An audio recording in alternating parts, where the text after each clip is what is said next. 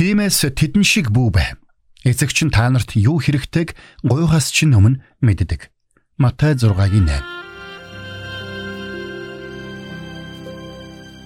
Мэргэний сонсог мэдлэгэд хэлэг.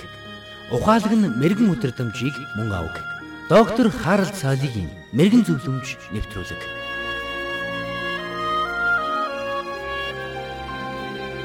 Глэдис Элвард нь жижигхэн биендээ баймгүй ирч хүчтэй буцаж няцхыг мэддэггүй дайчин бүсгүй байсан. Холливуудын 6 дахь аз жаргалын гэр хэмээх хуучны кинонд түүний амьдралын түүхийг өгүүлсэн байдаг. Уг кинонд Шведийн үндсэглэнт жүжигчин Ингрид Бергман Глэдис Элвардын дүрийг бүтээсэн байдаг. Гэвч шаргал үстэй нуруулаг жүжигчин Ингрид Бергман Глэдис Элвардын дүрийг тийм ч сайн гаргаж чадаагүй гэж би хувьдаа боддог юм. Учир нь Gladys Aylward хар үстэй, намхан нуруутай. Хойд Лондонгийн акценттай нэгэн байснаас гадна уг кинонд Gladys Aylward-ын амьдралын түүх болоод агуу үлсийг оновчтойгоор харуулаагүй юм. Учир нь түүний амьдралын бодит түүх уг Холливуудын киноноос хавьгүй сонирхолтой байсан юм.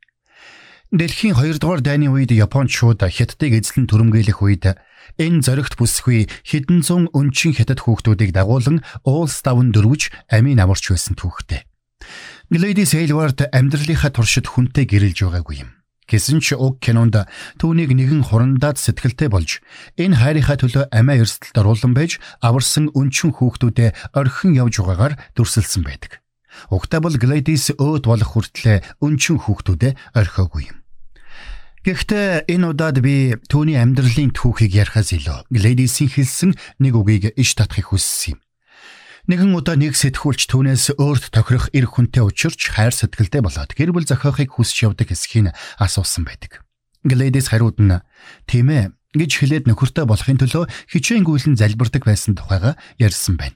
Тэгээд эцэст нь миний бодлоор бурхан миний нөхөр болох хүнийг хятад руу дуудсан байх. Даанч тэр бурханы дуудлагыг дагахаас татгалцсан юм шиг байгаа юм. Химэн хэлсэн гэдэг. Өнөөдөр бурхнаас тохирох нөхрийг хичээнгүйлэн гуйсан ч ганц би явсаар байгаа эмэгтэйчүүд цөөнгүй би. Тэр дундаа ийм байдалд орсон ганц би илгээлтийн эзэн эмэгтэйчүүд ч цөөнгүй би. Илгээлтийн талбар дээр ирээдүйн нөхөртөөгөө таарч гэр бүл болно гэж бодож байсан ч тийм зүйл болоогүй тухай гомдлон ярих илгээлтийн эзэн эмэгтэйчүүдтэй ч би уулзаж байсан. Ийм хүмүүст би шууд л нутаг буцгаж зөвлөдөг. Хэрвээ та ганц би амьдралыг төвчөхгүй байгаа бол үнээсээ болоод сэтгэлээр унж байгаа бол нутагтай буц гэж би чин сэтгэлээсээ зөвлөдөг. Гэхдээ нөгөө тэгүр ядам хуруунда хормын бөгж зүйлээгээд амьдрал чинь бүрэн дүүрэн аз жаргалтай болно гэсэн баталгаа байхгүй шүү гэдгийг ч би анхааруулдаг. Өөрөөс нь хань ижил гуйж буй ганц бие хүмүүсийн залбирлыг бурхан сонсож хариулдаг. Мэдээж бурхан тэдний гуйлтад хариулдаг. Гэхдээ бид нэг зүйлийг ойлгох ёстой. Ганц бие амьдрал нь зовлонгоор дүүрэн хүн байдгийн адил. Гэр бүлтэйч амьдрал нь зовлонгоор дүүрэн хүн түүнээс дутхгүй олон байдгийг бид ойлгох ёстой. Эсвэргээрээ ганц бие байхдаа ч аз жаргалтай байх боломжтой гэдгийг бид санах ёстой. Бурхан минь, яагаад та яагаад миний гуйлтад хариулахгүй? Миний гуйсан хүнийг надад өгөхгүй байгаа юм бэ? гэж та асууж болох юм. Тэгвэл Илч Паулийн бичсэн үгийг би танд сануулмаар байна. Тэрээр Филиппой загталдаа Би тарчигхан байхыг ч мэднэ. Элбэг дэлбэг байхыг ч мэднэ. Ямар ч аливаа нөхцөл байдалд цатгалан болон өлсөглөн байх, элбэг байх, дутагдахын аль альны нууцад би суралцсан. Намайг хүчрхэгжүүлэгч түүгээр би бүгдийг хийж чадна. Филиппой 4-ийн 12-оос 13 гэсэн байдаг. Дашрамд дурдахад тэр ч бас ганц бие илгээлтийн эзэн байсан юм шүү. Эцэст нь хэлэхэд бурхан сонголтыг өөрт нь үлдээсэн хүмүүст хамгийн сайныг өгдөг гэдэгт та итгэлтэй байж болно. Тиймээс та бурхан эцгийнтэй нь мотор хэрхэн ажиллаж байгааг харж чадахгүй байгаа бол түүний зүрх сэтгэлд итгээрэй. Эзэн Есүс нэгэнтээ.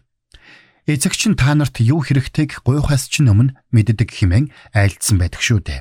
Бас тэр бидэнд гуйгтун баяр баясгалан чинь дүүрэн болохын тулд та нар хүлээн авна хэмээн айлдсан байдгийг та санаарай.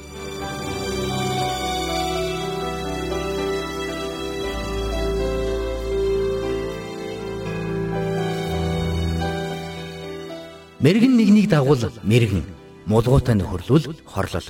Доктор Харалт цайлигийн мэрэгэн зөвлөмж нэвтрүүлэг танд хүрэлээ.